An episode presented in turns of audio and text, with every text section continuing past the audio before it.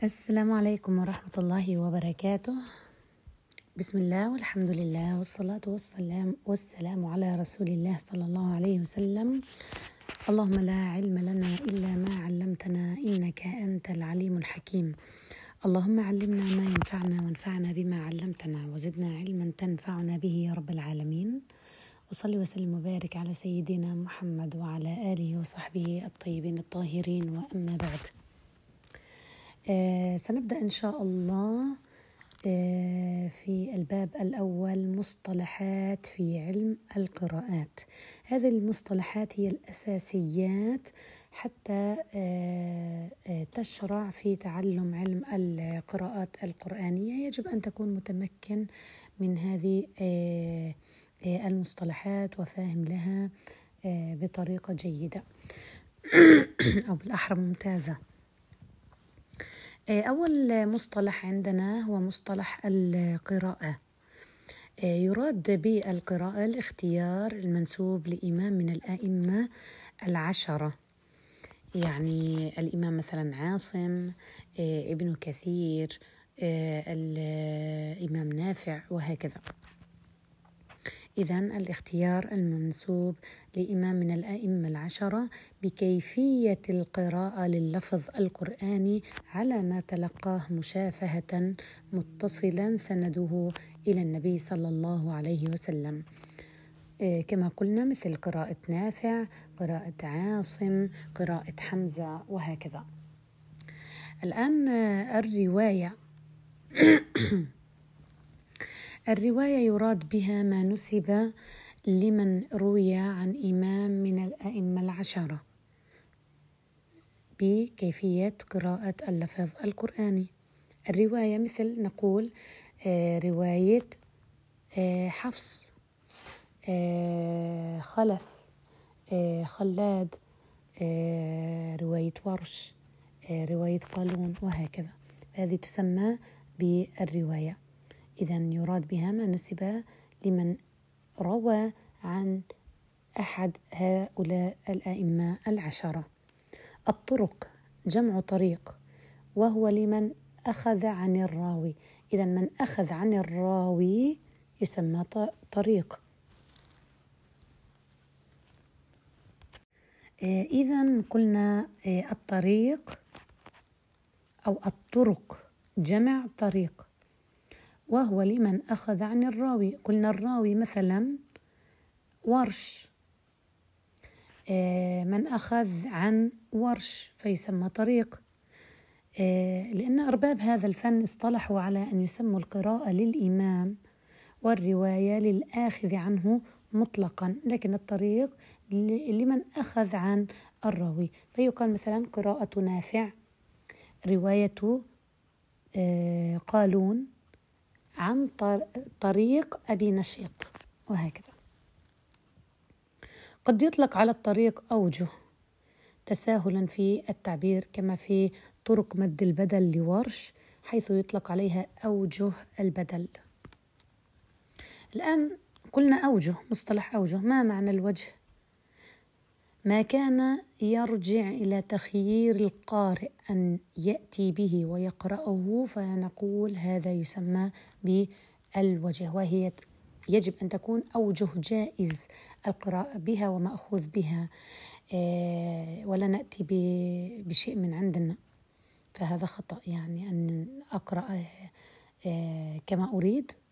لا لا يجوز. يجب أن تكون هذه الأوجه جائز القراءة بها. طبعا لابد للقارئ أن يعلم أنه عندنا خلاف وهذا الخلاف ينقسم عندنا إلى قسمين. خلاف واجب وهو طبعا عين القراءات والروايات والطرق بمعنى أن القارئ إحنا قلنا القارئ هو أحد الآئمة. القارئ ملزم بالإتيان بها جميعا هذا الخلاف الواجب. فلو أخل بشيء منها عد ذلك نقصا في روايته كأوجه البدل مع ذات الياء لورش. نعرف أنه ذات الياء لورش فيها التقليل وفيها الفتح. وأوجه البدل عندنا ثلاث أوجه قصر توسط إشباع. فهذه هي طرق. وإن شاع التعبير عنها بأنها أوجه حتى يتساهل يعني فيها. يعني للتسهيل نقول أوجه. هذا الخلاف الواجب يكون عندنا في أصل القراءة. ومثاله أيضا الخلاف في المد الجائز المنفصل. والخلاف في الإمالة وغيرها من آه، الأصول. ربما يكون أيضا في آه، آه، الفرشيات. يعني فرشيات الرواية. تكون كلمات مختلف قراءتها. مثلا فارهين. ممكن أن تقرأ فرهين فهذه من الفرش. يعني قرأ ابن عامر والكوفيون. اللي هم عاصم حمزة الكسائي وخلف بالألف فارهين الآن الباقيين قرأوا بفرهين. هذا يسمى فرشا. آه ثانيا قلنا في البداية خلاف ماذا؟ واجب. الآن النوع الثاني هو الخلاف الجائز. هذا الخلاف في الأوجه التي على سبيل التخيير والإباحة. مثل أوجه البسملة. أوجه الوقف على عارض السكون. القارئ مثلا مخير في الإتيان بأي وجه من آه، أوجه آه، البسملة أو أوجه العارض للسكون غير ملزم بأنه يأتي بها كلها. فلو أتى بواحد يعني وجه واحد فقد أجزأه. ولا يعتبر ذلك يعني تقصير منه أو نقص في الرواية. هذه الأوجه تسمى اختيارية. لا يقال لها قراءات ولا روايات ولا طرق بل يقال لها أوجه فقط. فيجب أن نعلم يعني ممكن يكون هناك جهل في الفرق بين الخلاف الواجب والخلاف الجائز الواجب.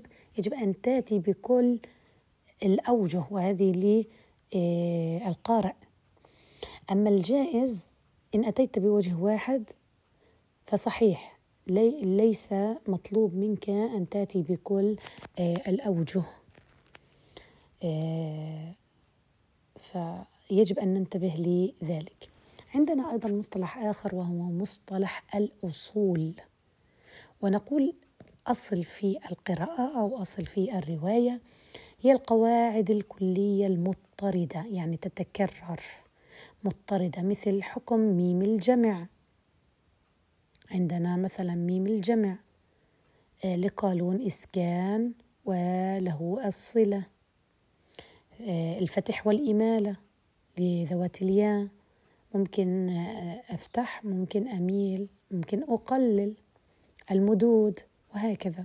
المد ممكن أقصر فيه ممكن أني أوسط فيه ممكن أني أشبعه. آه، ف آه، تسمى أصول وهي تكون متكررة في كل القرآن ليس كلمة واحدة. يعني متى تكرر مد متصل؟ مثلا آه، أن نقول مثلا أصل القراءة أنا قرأت مثلا بقالون في إسكان ميم الجمع فيجب أن ألتزم بالإسكان في كل القرآن. متى رأيت ميم جمع أسكنها. فهذا أصل. فالأصل يكون متكرر في كل القرآن الكريم في أي كلمة تكون شبيهة. عندنا الفرش. تكلمت ذكرته سابقا أنا بعض الشيء لكن نقول أن الفرش هو الأحكام الخاصة ببعض الكلمات. مش شرط أنها تتكرر في كل القرآن. ممكن تأتي في سورة البقرة فقط ولا تأتي في غيرها وهكذا. إذا أحكام خاصة ببعض الكلمات القرآنية. مثل قراءة مالك يوم الدين. فمنهم من يقرأها ملك يوم الدين. يعني إثبات الألف أو حذف الألف. فهذه تسمى فرش. وقد يوجد في الفرش ما يطرد حكمه. أنه يطرد حكمه يعني ممكن أنه يكون متكرر. ممكن.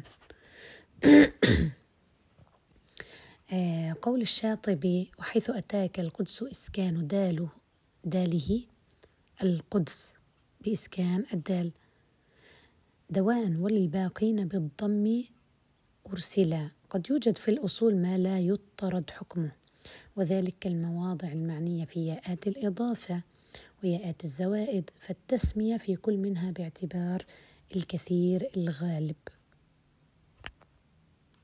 طبعا سوف نعرف لكم أكيد معنى ياءات الزوائد وياءات الإضافة. فقد كونوا بالسماع عندنا أيضا لفظ التحريرات. نقول تحريرات ورش.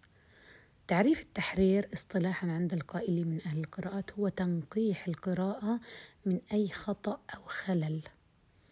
ويقصدون بذلك تمييز الأوجه والطرق والروايات عن بعضها وعدم اختلاطها في الأداء حتى لا يقع القارئ في التلفيق.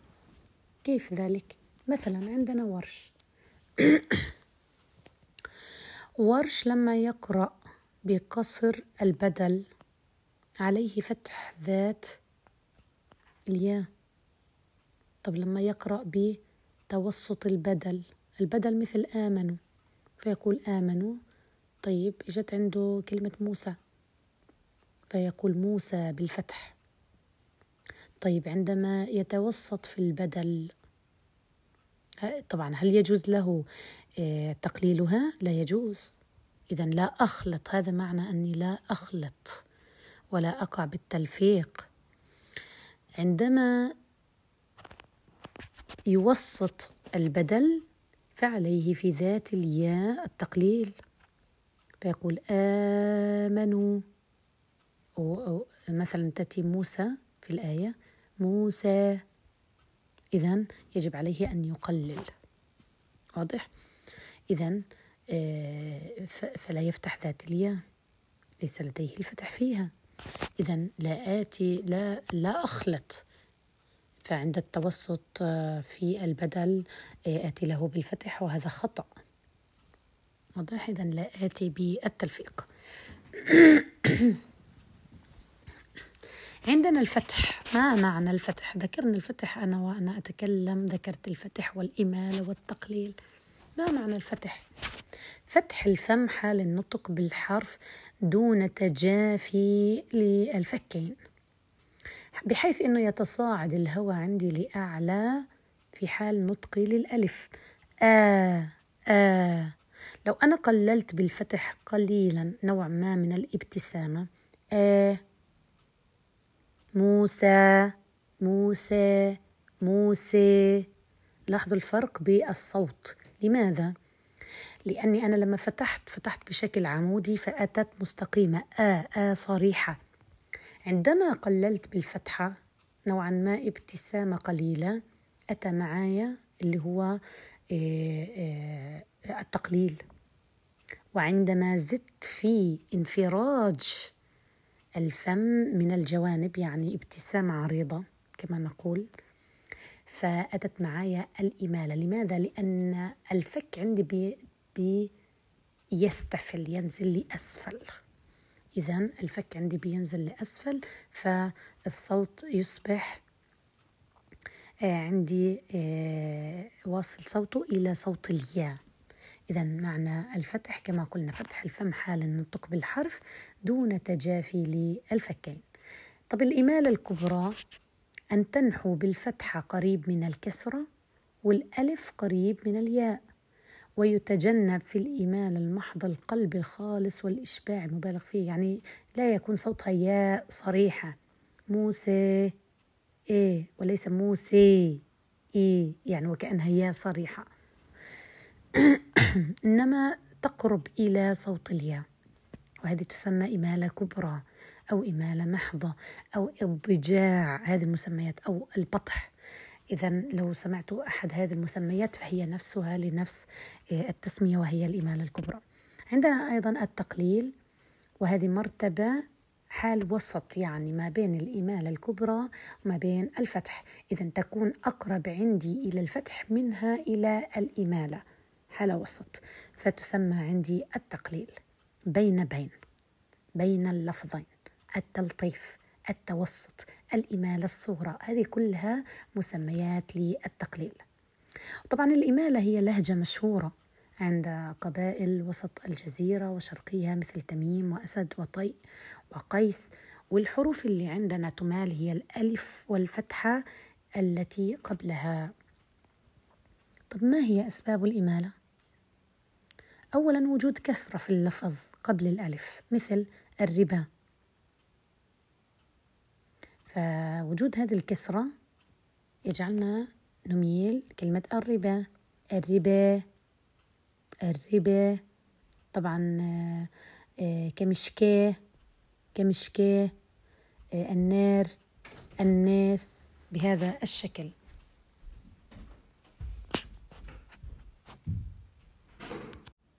إذا كما قلنا سبب الإمالة وجود كسرة في اللفظ قبل الألف مثل كلمة الربا مشكاة وجود كسرة في اللفظ بعد الألف مثل النار ناري.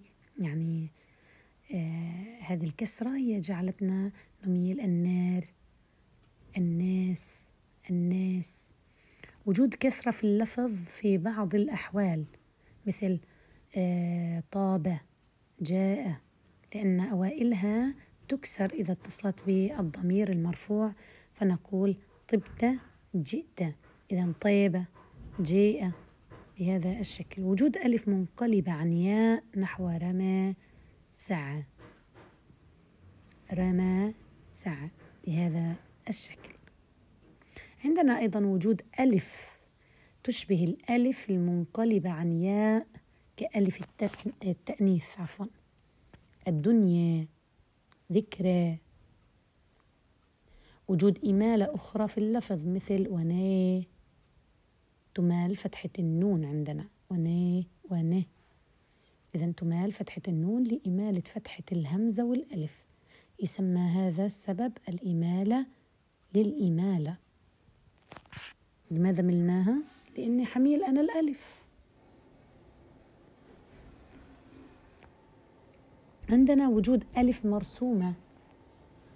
يا وإن كان أصلها الواو مثل والضحى دحاها بهذا الشكل. عندنا مصطلح السكت وهو قطع الصوت عن الساكن زمنا دون زمن الوقف من غير تنفس بنية العودة إلى القراءة. مثلا كلا بل رانا بل رانا.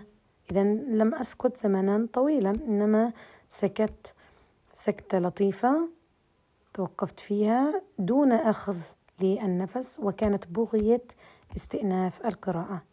عندي السكت قسمين. عندنا سكت للهمز وسكت لغيره. المشهور عن حمزة السكت على الساكن قبل الهمز. والسكت لغير الهمز يكون على ألفاظ معينة لمن ورد عنه ذلك. وعندنا أيضا السكت بين السورتين. وعندنا هذا السكت مقيد بالسماع والرواية.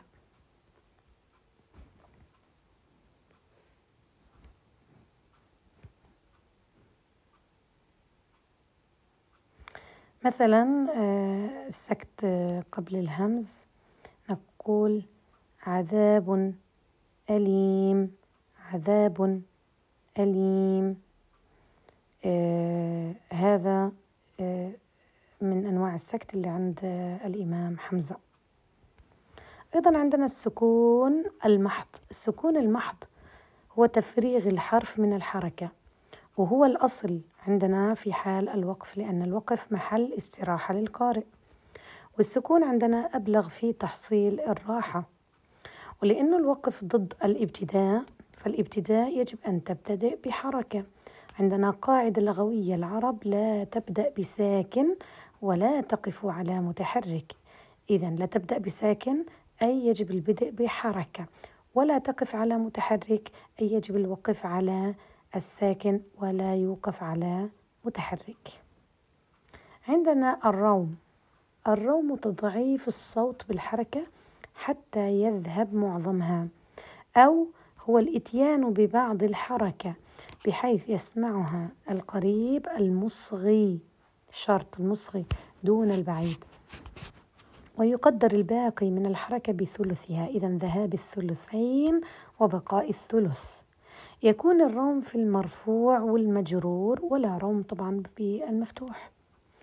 ويعامل الروم معاملة الوصل فلا يمد المد العارض ورومهم كما وصلهم. إذا آه، وكأني أصلها. مثلا آه، آه، الرحمن الرحيم الرحيم. لاحظوا أني خفضت الصوت. ليست الرحيم مو هذه ضم خالص. إنما الرحيم وخفضت الصوت فيها ويكون أني أتيت بجزء منها وهو الثلث. وطبعا لا رم عندي في آه، السكون. يجب أن تكون آه، يعني آه، رومهم كما وصلهم عندي في المرفوع. لو كان مرفوع مجرور. أما لو كان ساكن هل فيه روم لا يوجد فيه روم لو كان مفتوح فيه روم لا يوجد فيه الروم نحن نأتي بالروم في حال الوقف. لماذا؟ حتى نقول أيها القارئ انتبه انه أصل هذه الكلمة ليست ساكنة. أصل الحرف فيها ليس ساكن إنما كان عليه ضمة أو كانت عليه كسرة. الرحيم الرحيم بهذا الشكل.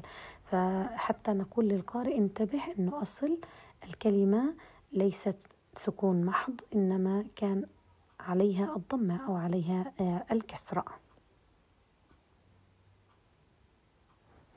طب لو كان اللفظ الموقوف عليه منون يحذف فيه التنوين مثل مستقيم مستقيم مستقيم حكيم حكيم.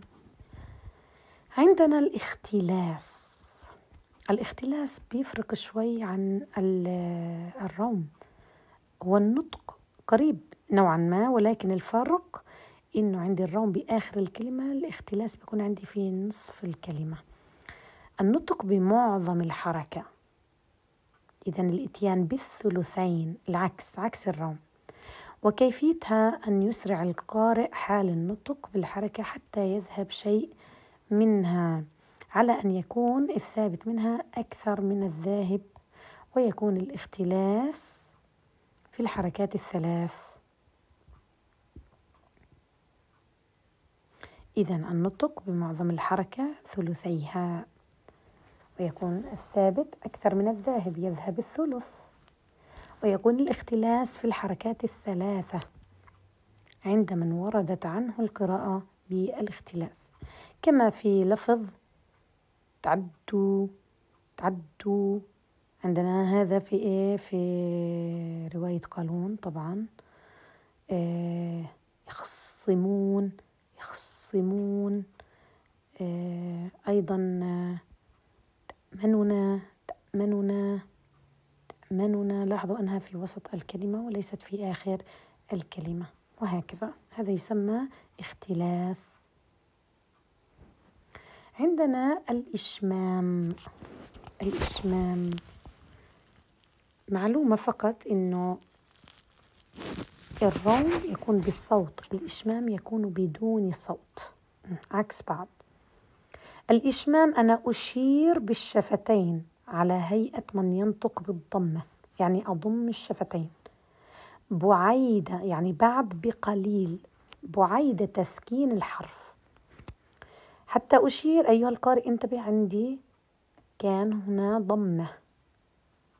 فأعطي تلميحا لوجود الضمة بضم الشفتين دون صوت هذا الشرط. عدم وجود الصوت. وهذا طبعا لا يكون إلا في المرفوع. لا يكون في المجرور ولا المفتوح ولا بالساكن.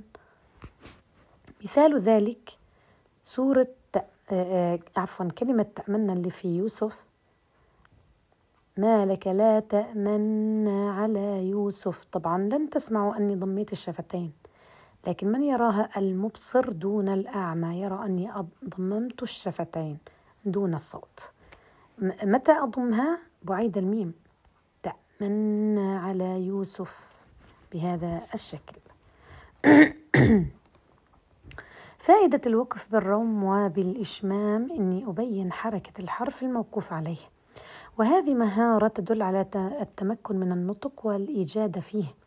كما يوجد عندي وقفات لبعض القراء بالروم أو الإشمام فقط مثل وقفات حمزة وهشام آه، وأيضا لوجوب قراءة كلمة تأمنا اللي أنا قرأتها حاليا بالاختلاس أو الإشمام لأن تأمنا فيها تأمننا تأمننا. هذا اختلاس تأمن وضم الشفتين لجميع القراء ما عدا أبو جعفر. إذا أبو جعفر هو الوحيد اللي ليس عنده آه، اختلاس وإشمام في هذه الكلمة. يأتي عندنا الإشمام عند علماء القراءات بمعاني أخرى غير هذا المعنى. وهي مثلا إشمام الصاد صوت الزاي خلط صوت الصاد بالزاي مثل آه عندنا قراءة آه الكسائي وعندي حمزة أيضا الزراط هي أصلها الصراط لكن أنا أشممت إزاي وهذا بتسمعوها كثيرا عند المصريين يعني إخواننا المصريين ينطقوا بهذا. آه، الشكل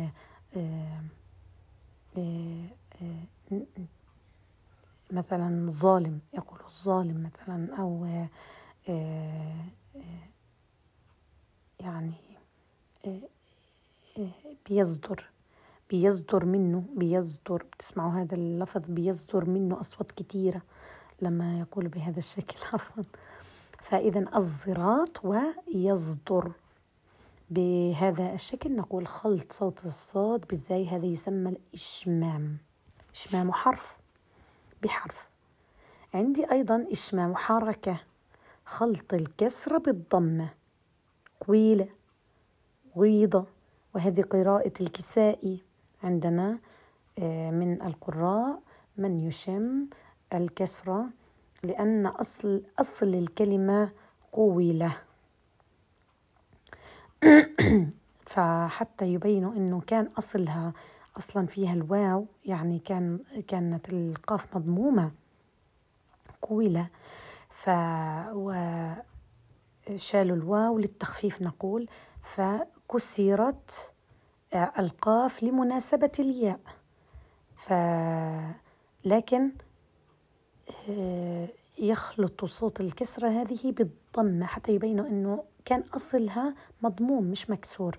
قويلة غيضة وهي إيش؟ أضم أنا جزء الفم بداية بالضمة ثم إيش؟ إيه أنحو نحو الكسرة.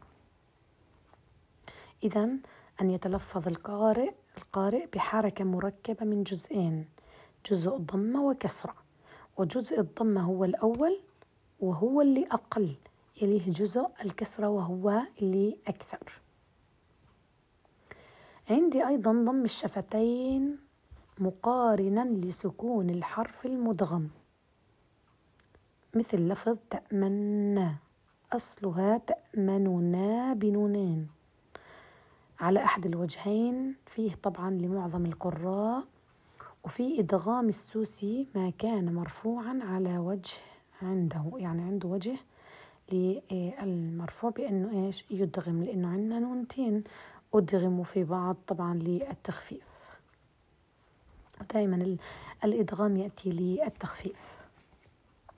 طبعا يختلف الإشمام في الحالات الثلاثة عنه في الحالة الأولى اللي هو تعريف الإشمام الأول اللي ذكرناه. في الحالات الثلاثة يكون الإشمام حال الوصل والوقف. بخلاف الحالة الأولى اللي يكون الإشمام فيها في حال الوقف. الحالة الأولى اللي قلنا في حال أنا أقف مثلا الرحيم فأنا آه آه الرحيم. أضم الشفتين فلا أذكر في هذا في حال الوقف. تمام؟ آه أما اللي ذكرناه فيما بعد فهذا يكون في حال الوصل والوقف. عندي أيضا مصطلح الإدغام. هو اللفظ بالحرفين كالثاني مشدد. فائدته كانت العرب يعني تدغم للتخفيف. تخفيف النطق لأنه فيه ثقل. أني أدخل للمخرج وأخرج وأرد أدخل مرة أخرى وأخرج. فحتى لا يصبح ثقل على اللسان فأنا أدخل مرة واحدة للمخرج وأخرج منه بدل أن أدخل مرتين وهذا يكون عندي آه، في حال آه، آه، أردت أن أنطق حرفين. متفقين في المخرج أو متقاربين. متفقان في المخرج نفس المخرج. أو متقاربا يعني مخرجهم قريب إلى مخرج بعضهما البعض. وبيقسم عنا الإدغام لقسمين. إدغام كبير وإدغام صغير. الإدغام الكبير اللي متخصص فيه هذا السوسي. الإدغام الصغير أغلب القراء يدغم الإدغام الصغير لكن في بعض الزيادات في بعض الإدغامات تمام؟ الكبير ما كان أول الحرفين في محرك كلاهما محرك والصغير الأول هو اللي ساكن والثاني متحرك وفي عندنا إدغام مطلق يكون العكس أول متحرك والثاني ساكن. ينقسم إلى كامل وناقص. فالإدغام الكامل ذهاب ذات الحرف وصفته. أما الإدغام الناقص ذهاب ذات الحرف وبقاء الصفة. إذا الإدغام الكامل يذهب الحرف بالكلية وتذهب صفته. أما الإدغام الناقص ذهاب ذات الحرف لكن بقاء صفته. مثل مثلا همت همت طا أدغمت التاء بالطا ف آه، همت طا ذهب الحرف لكن صفة الإطباق اللي في الطا بقيت. همت طا واضح؟ آه هذا بالنسبة للإدغام عندنا في أسباب للإدغام ثلاث أسباب. لماذا أدغم؟ إما إنهم متماثلين إما متجانسين إما متقاربين. قلنا عندنا أسباب للإدغام التماثل. والتماثل أنه يتحد المخرج آه، يتحد حرفان مخرجا وصفة. نفس المخرج نفس الصفة. بالاسم والرسم. ميم وميم. با. وبا تا. وتا وهكذا. إذا نفسه نفس الحرف. اسما ورسما. التجانس. اتفق الحرفين مخرج واختلفوا بالصفة. أو العكس. اتفقوا بالصفة اختلفوا بالمخرج. هذا يسمى تجانس. مثل التاء مع الطاء.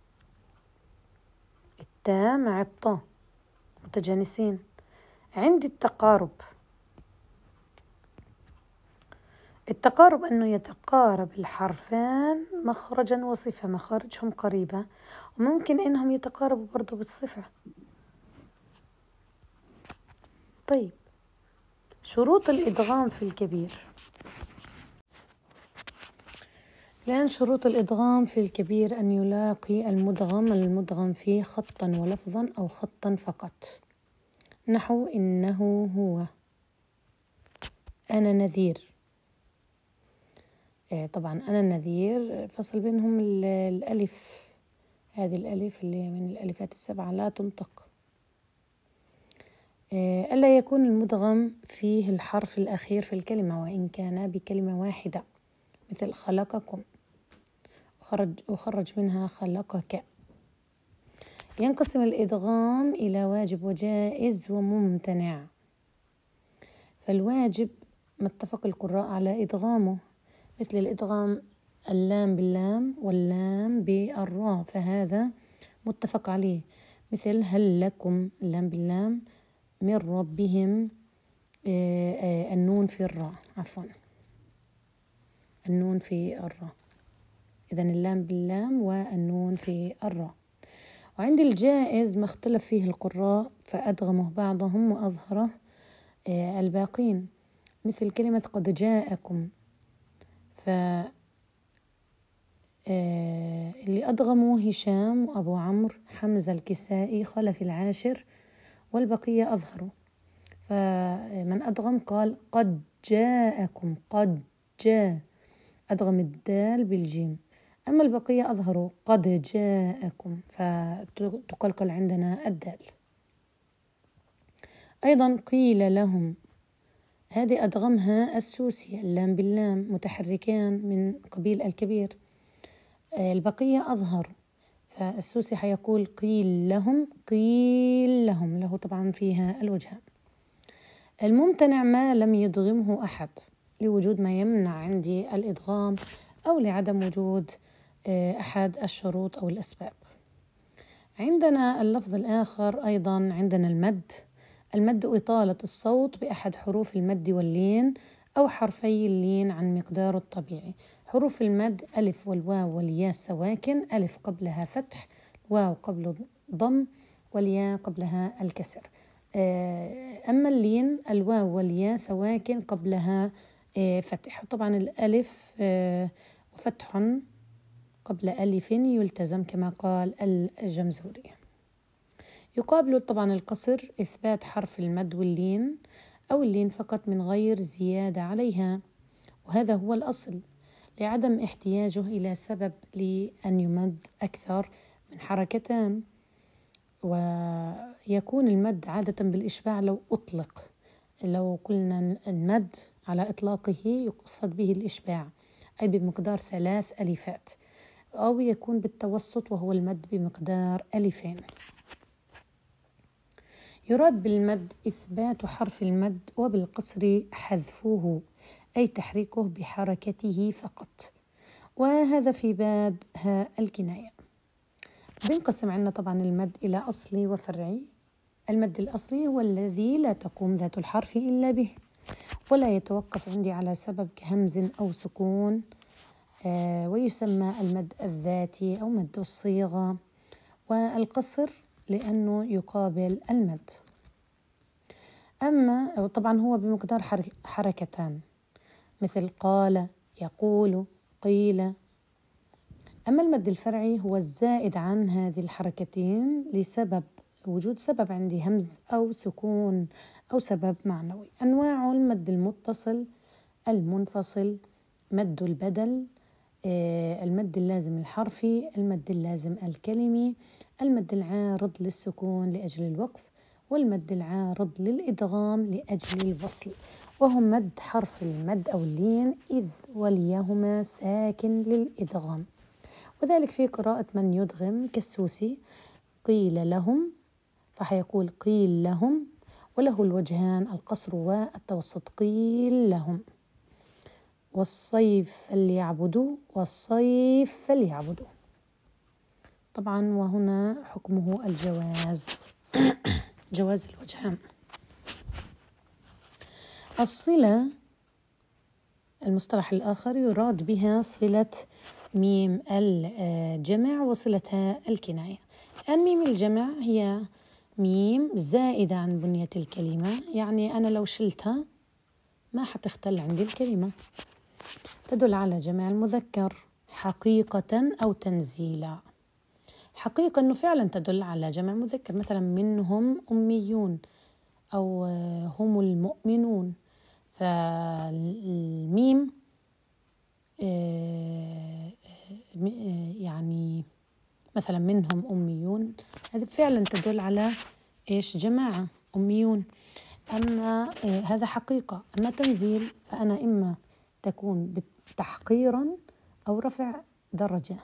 تحقير مثل إيش؟ الآية آه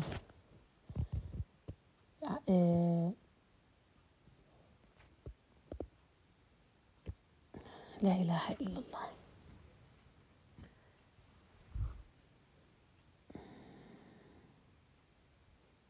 على خوف من فرعون وملئهم أن يفتنهم. أنا بدي كلمة وملئهم. آه، فرعون الأصل أنه مثلا قال وملئه. لماذا لم يقل وملئه؟ فرعون وملأه قال وملئهم. هذه الميم هي ميم جمع. لكن هنا جاءت للتح... للتحقير. سبحان الله. حتى ينزل من منزلته. أما مثلا أنا أقول لشخص أقابل شخص وأقول له كيف حالكم؟ هذه الميم ميم جمع لكن أنا تكلمت مع شخص واحد مفرد. فكيف عملته بهذا؟ آه لما أستعمل ميم الجمع للكلام مع آه شخص واحد كيف حالكم؟ آه وهكذا. فهذه تدل على رفع المكانة للتعظيم نقول. لأني عاملت المفرد نزلته منزلة الجماعة فهذا للتعظيم الآن ميم الجمع كيف نعاملها؟ نقول نصلها. أول شيء أنها تضم وتوصل أو تلحق بواو لفظية. حال الوصل. إذا وقعت قبل متحرك. الآن صلة هاء الكناية. هاء الكناية هي هاء الضمير المكنى بها عن المفرد المذكر الغائب. وصلتها أنه يلحق بها حرف مد لفظي يناسب حركتها. إذا وقعت بين متحركين يعني توصل المضمومة بواو والمكسورة حتوصل عندي بياء. لماذا؟ لأن ما يناسب آآ آه، آآ آه، الضمة الضمة بنت الواو. إذا آه، يناسبها الواو أما الكسرة فهي بنت الياء لذلك آه، آه، توصل بياء. إلا ما استثني لبعض القراء. إنه في كلمات مختلف فيها كيفية قراءتها آه، ليس بالصلة ممكن توصل ممكن بعدم الصلة حسب القراءة.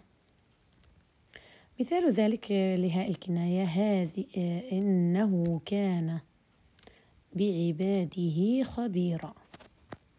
الآن نلحق أيضا هذه مع أنه هذه ليست للمذكر هذه للمؤنث وليس للمذكر. لكن توصل إن وقعت قبل متحرك مثل هذه ناقة الله. هذه أمتكم. وعندنا صلة صغرى وصلة كبرى. الصلة الصغرى أي حرف عدا الهمزة. يأتي بعدها الضمير.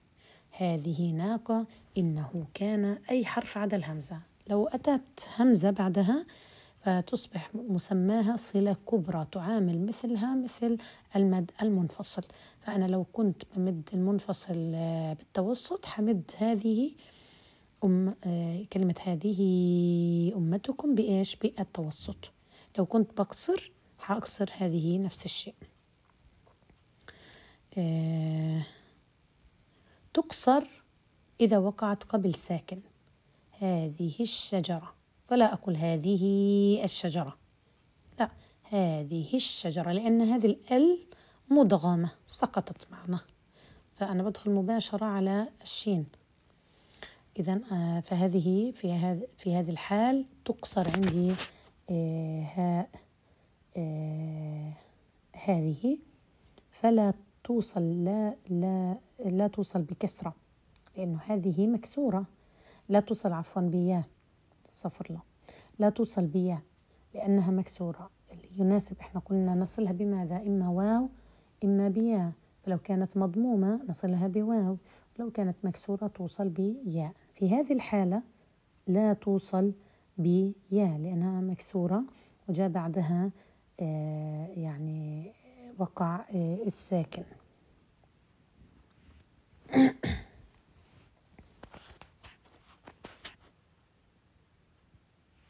وقع قبلها إيه، الساكن. هذه الشجرة. فلا أقول هذه الشجرة. لا هذه الشجرة. إلى هنا نقف إن شاء الله. سبحانك اللهم وبحمدك نشهد أن لا إله إلا أنت نستغفرك ونتوب إليك. السلام عليكم ورحمة الله وبركاته. بسم الله والحمد لله والصلاة والسلام على رسول الله صلى الله عليه وسلم. اللهم لا علم لنا إلا ما علمتنا إنك أنت العليم الحكيم. اللهم علمنا ما ينفعنا وانفعنا بما علمتنا وزدنا علما تنفعنا به يا رب العالمين. وصلي وسلم وبارك على سيدنا محمد وعلى آله وصحبه الطيبين الطاهرين. وأما بعد نستكمل مصطلحات القراءات. آه، الاستفهام المكرر. آه، الاستفهام المكرر إنه تجتمع عندي همزتان في كلمة واحدة. آه، أو في كلمة وبعدها كلمة أخرى. ذات همزتين. نحو مثلا أإذا كنا ترابا أئنا إذا اجتمعت عندي همزتين في نفس الكلمة. وتلاها أيضا يعني كلمة أخرى آه، أيضا من همزتان. فكيف أعاملها؟ فهذا يسمى استفهام مكرر. أعاملها حسب القراءة. آه، من القراء من استفهم وأخبر منهم من استفهم استفهم منهم من أخبر واستفهم. العكس. فحسب القراءة. إذا مثل أإذا كنا ترابا أئنا إذا أإذا وأئنا فهذا استفهام تكرر في كلمتان. إيه، طبعا هذه المصطلحات هذه المواضيع اللي يتم مناقشتها عند دخولكم في أي قراءة أو في رواية إيه، فهذه المصطلحات دائما حتسمعوها. يعني هي اللي فيها آه، الخلافات. عندي التسهيل. التسهيل هو النطق بالهمزة بين بين. يعني ليست همزة محققة لا أقول أه أه, آه طبعا آه نطقها مسهلة أي بين بين.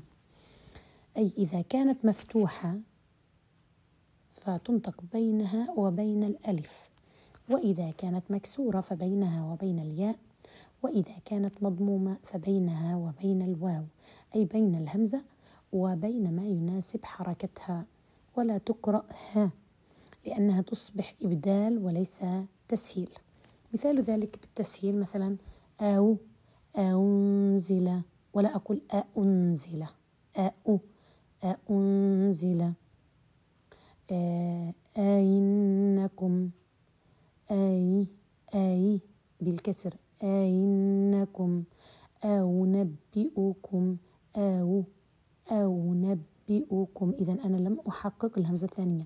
الأصل آه يعني في بعض القراءات أنبئكم كحفص يحقق.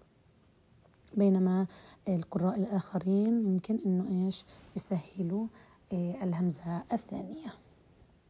عندنا ممن يسهل عندنا ورش وعندنا أيضا قالون آه، فننتبه للقراءة أو الرواية اللي نقرأها. هذا يسمى التسهيل نطق الهمزة بين بين. الإبدال هذا الشغل آه، كله بيكون عنا بالهمزة. الإبدال تحويل الهمزة إلى ألف أو واو أو ياء وهو على قسمين. القسم الأول إنه لو كانت الهمزة ساكنة تبدل حرف مد من جنس حركة ما قبلها مثلا مؤمنون مؤمنون.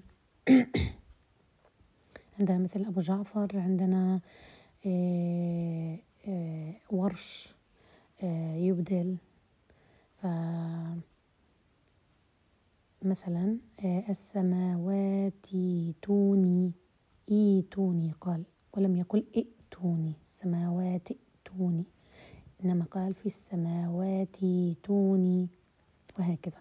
إذا تبدل حرف مد من جنس حركات ما قبلها. فلو كان اللي قبلها مضموم فتبدل بواو لو كان كسر تبدل بيا لو كان فتح تبدل بالألف ما يناسبها؟ لأن أم الكسر الياء أم الضم الواو وأم الفتح هي الألف. القسم الثاني عندنا لو كانت الهمزة متحركة فتبدل واو أو ياء محققة المخرج وليست مادية متحركة بحركة الهمزة. مثلا يؤيد يويد لأخراهم ليخراهم ليو ليخراهم. إذا أبدلت أبدلت بحرف آه، مد مجانس لما قبلها إيه، الإسقاط. الإسقاط هو إزالة الهمزة بالكلية بحيث لا يبقى لها صورة ولا أثر ولا ولا كأنها موجودة. يكون بحذف إحدى الهمزتين المتلاصقتين. مثلا مثل جاء أمرنا. طبعا حفص يحقق. عندنا بعض القراء مثلا آه عندي آه شغل في الهمزات. خاصة يعني يكون مثل هذه همزتان متتاليتان الأولى في آه آخر الكلمة الأولى والثانية في بداية الكلمة الموالية ليس بينهما فيصل جاء أمرنا آه، فتسقط تسقط ومباشرة ندخل على الهمزة. آه، الثانية فتحذف الهمزة في اللي هي همزة جاء فأقول جاء أمرنا جاء أمرنا أو جاء أمرنا. هذا مثل إيش؟ قانون مثل قالون. وعندنا أيضا آه، آه، يعني آه، عندنا أيضا بعض القراء نفس الشيء يعني أو الرواة يعاملوا الهمزة بنفس الكيفية بإسقاطها. طبعا عند الوقف بالمد والتوسط والقصر عندي لهشام وحمزة. على وجه أن الهمزة عندي أبدلت ثم حذفت. جاء جاء تمام؟ يعني جاء أمرنا جاء أمرنا. هذا إيش؟ أسقطناها. طيب حذفها يأتي بمعنى الإسقاط والإزالة ويوقف بالحذف في أربعة أشياء. تنوين المرفوع والمجرور. أنا لما أوقف آه، على التنوين آه، إن كان مرفوع أو مجرور أقف بسكون. مثلا عليم عليم. حكيما حكيم.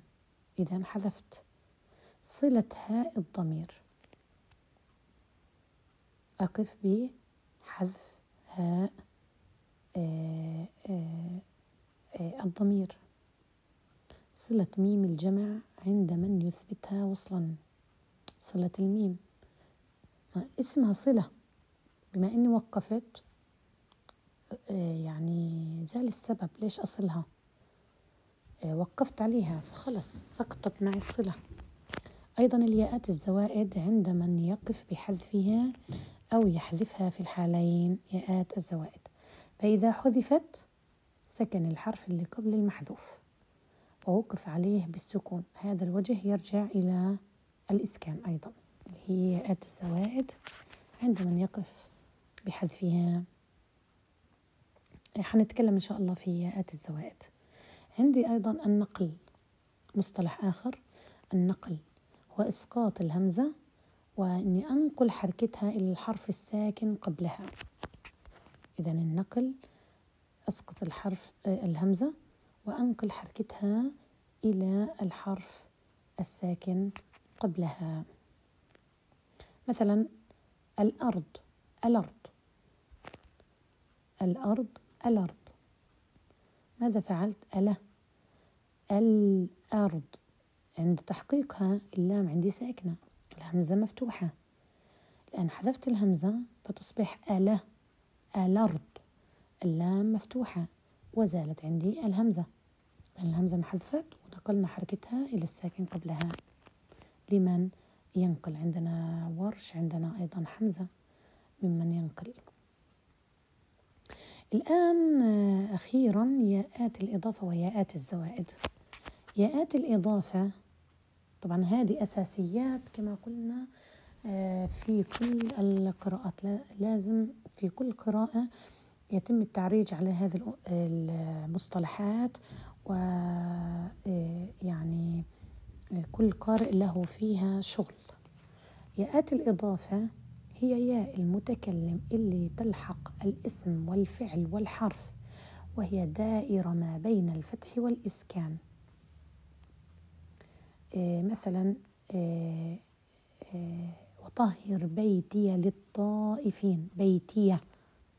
ومنهم من قال وطهر بيتي للطائفين. إذا دائرة بين الفتح والإسكان. علامتها صحة إحلال الكاف والهاء. لو قلت بيته أو بيتك لصح ذلك. يعني فأعرف إنه هذه آه، متكلم يا إضافة. ضيفي ضيفك ضيفه لي لك وله. يعني أستطيع إحلال الكاف وأستطيع إحلال الهاء فأعلم أن هذه ياء إضافة. الآن أنا لو قلت الزاني هل أقول آه، هل أستطيع أن أحل الكاف؟ الزانك مثلا؟ أو إيه لا أستطيع فهذه ياء أصلية. تهتدي. هل أستطيع؟ لا أستطيع.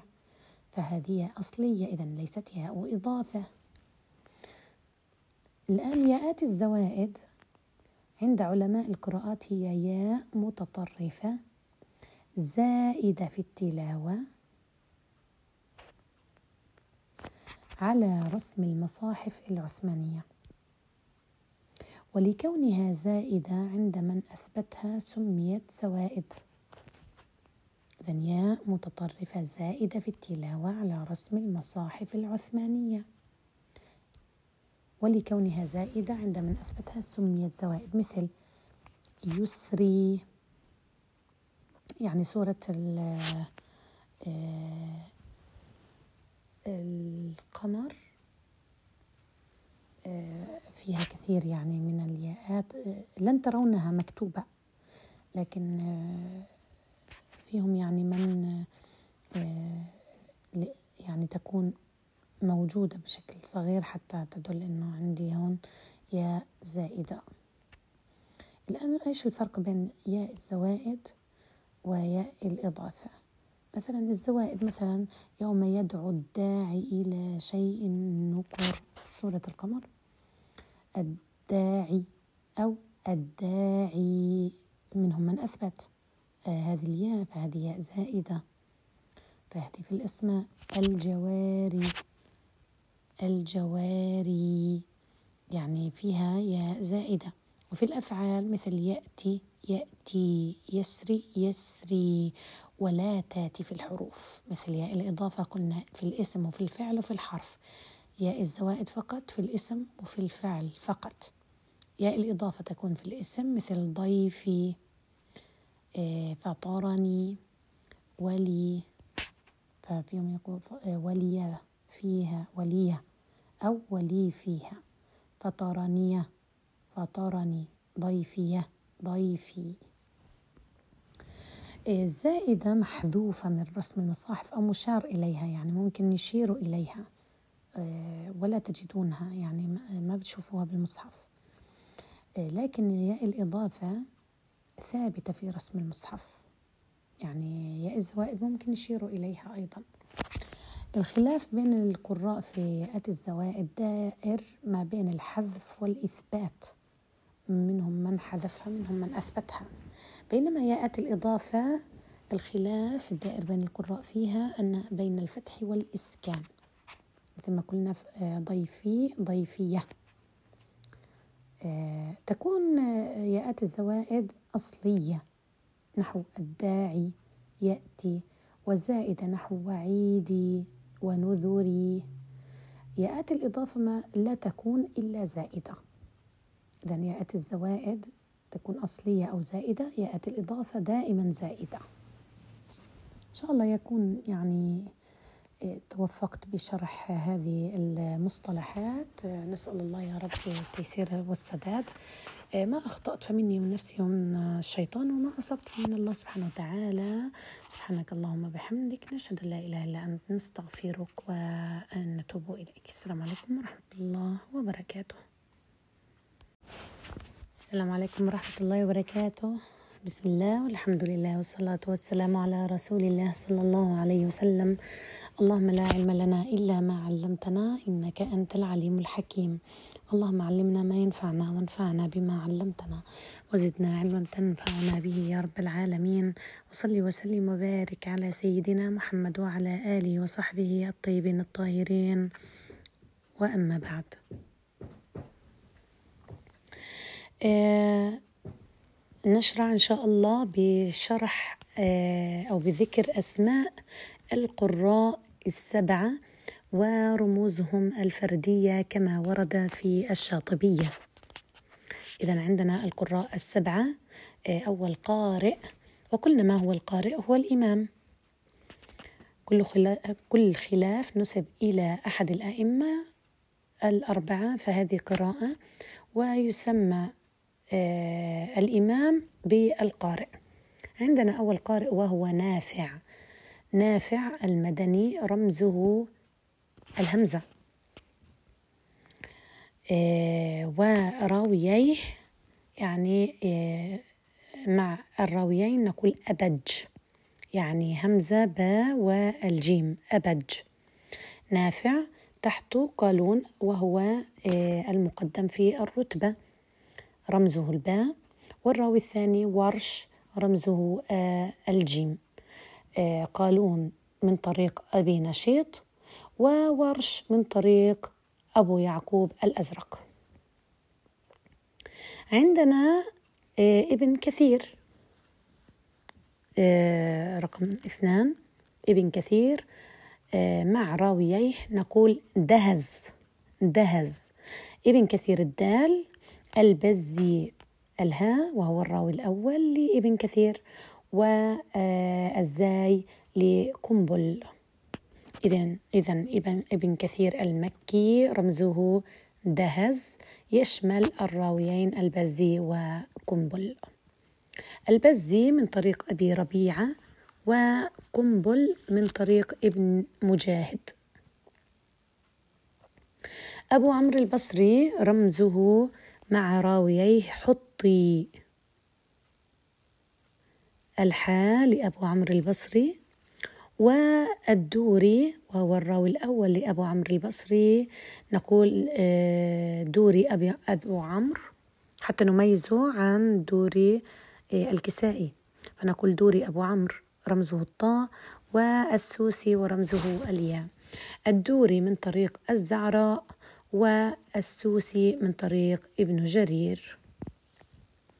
الآن ابن عامر الشامي رمزه مع راوييه كلم يعني الكاف لابن عامر وهشام والراوي الأول لابن عامر اللام و آه، لابن ذكوان وهو الراوي الثاني. هشام من طريق الحلواني وابن ذكوان من طريق هارون الأخفش.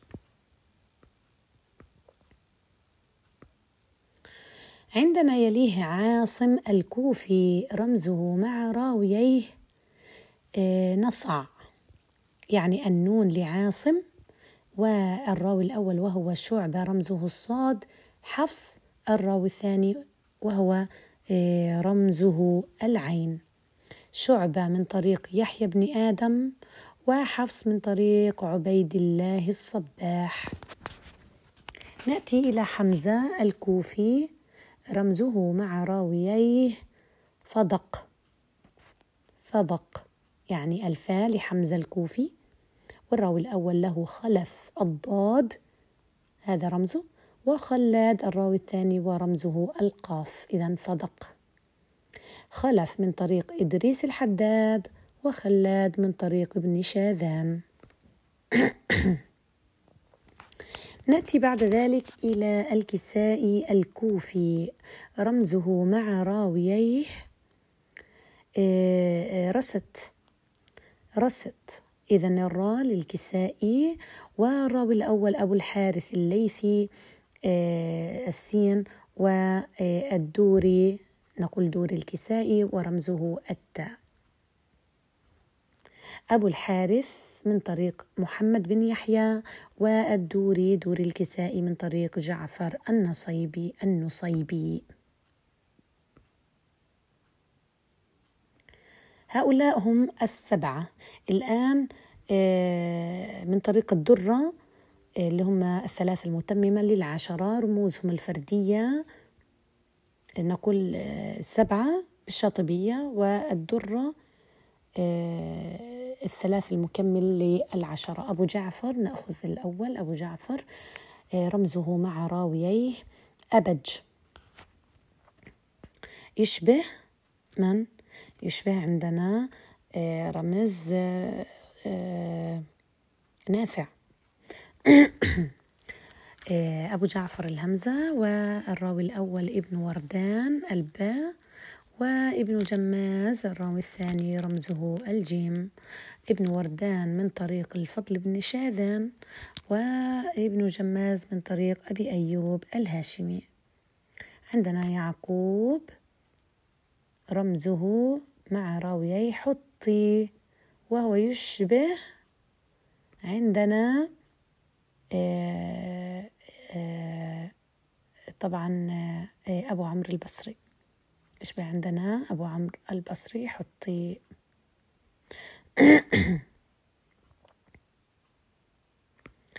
عندنا كما قلنا يعقوب الراوي الأول له هو رويس ورمزه الطاء والراوي الثاني روح رمزه الياء. رويس من طريق النخاس وروح من طريق ابن وهب. آخر آه، شيء من القراء العشرة خلف العاشر صدق كحمزة آه، إسحاق رمزه وهذا الراوي الأول الضاد وإدريس رمزه القاف وخلف العاشر رمزه الفاء. لاحظوا خلف العاشر هو نفسه خلف خلف حمزة ولكن هذه قراءة له لوحده. إسحاق من طريق السو السوسنجري. الله المستعان. الأسماء غريبة. أنا الطرق لا أحفظها كلها والله المستعان فقط المشهورة. أما إدريس عندي الشطي. فهذه هي رموز آه، آه، القراء العشرة.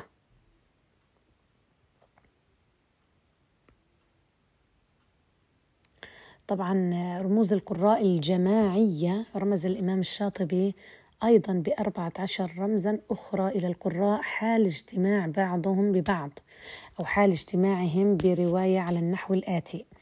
الرمز سما نقول أهل سما. مين أهل سما؟ نافع بن كثير وأبو عمرو. حرمي نافع وابن كثير. حق ابن كثير وأبو عمرو.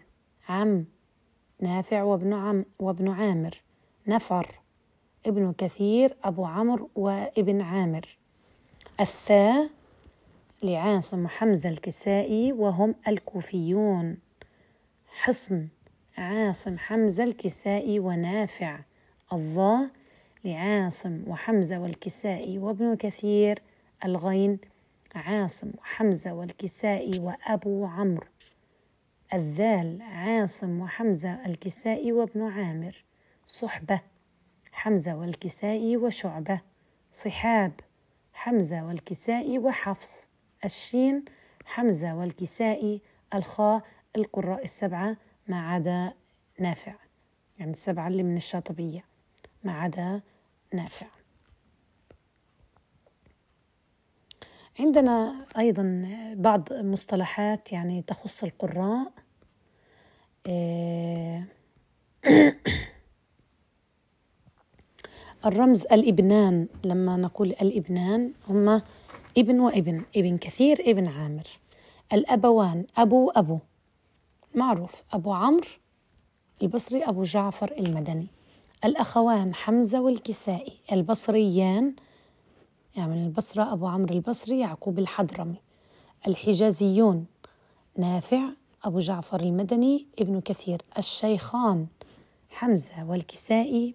الصاحبان حمزة والكسائي الصريحان أبو عمرو البصري ابن عامر قال الإمام الشاطبي أبو عمرو هم وليحسب ابن عامر صريح وباقيهم أحاط به الولا طب العربيان أبو عمرو البصري وابن عامر الشامي. الكوفيون عاصم حمزة الكسائي خلف العاشر.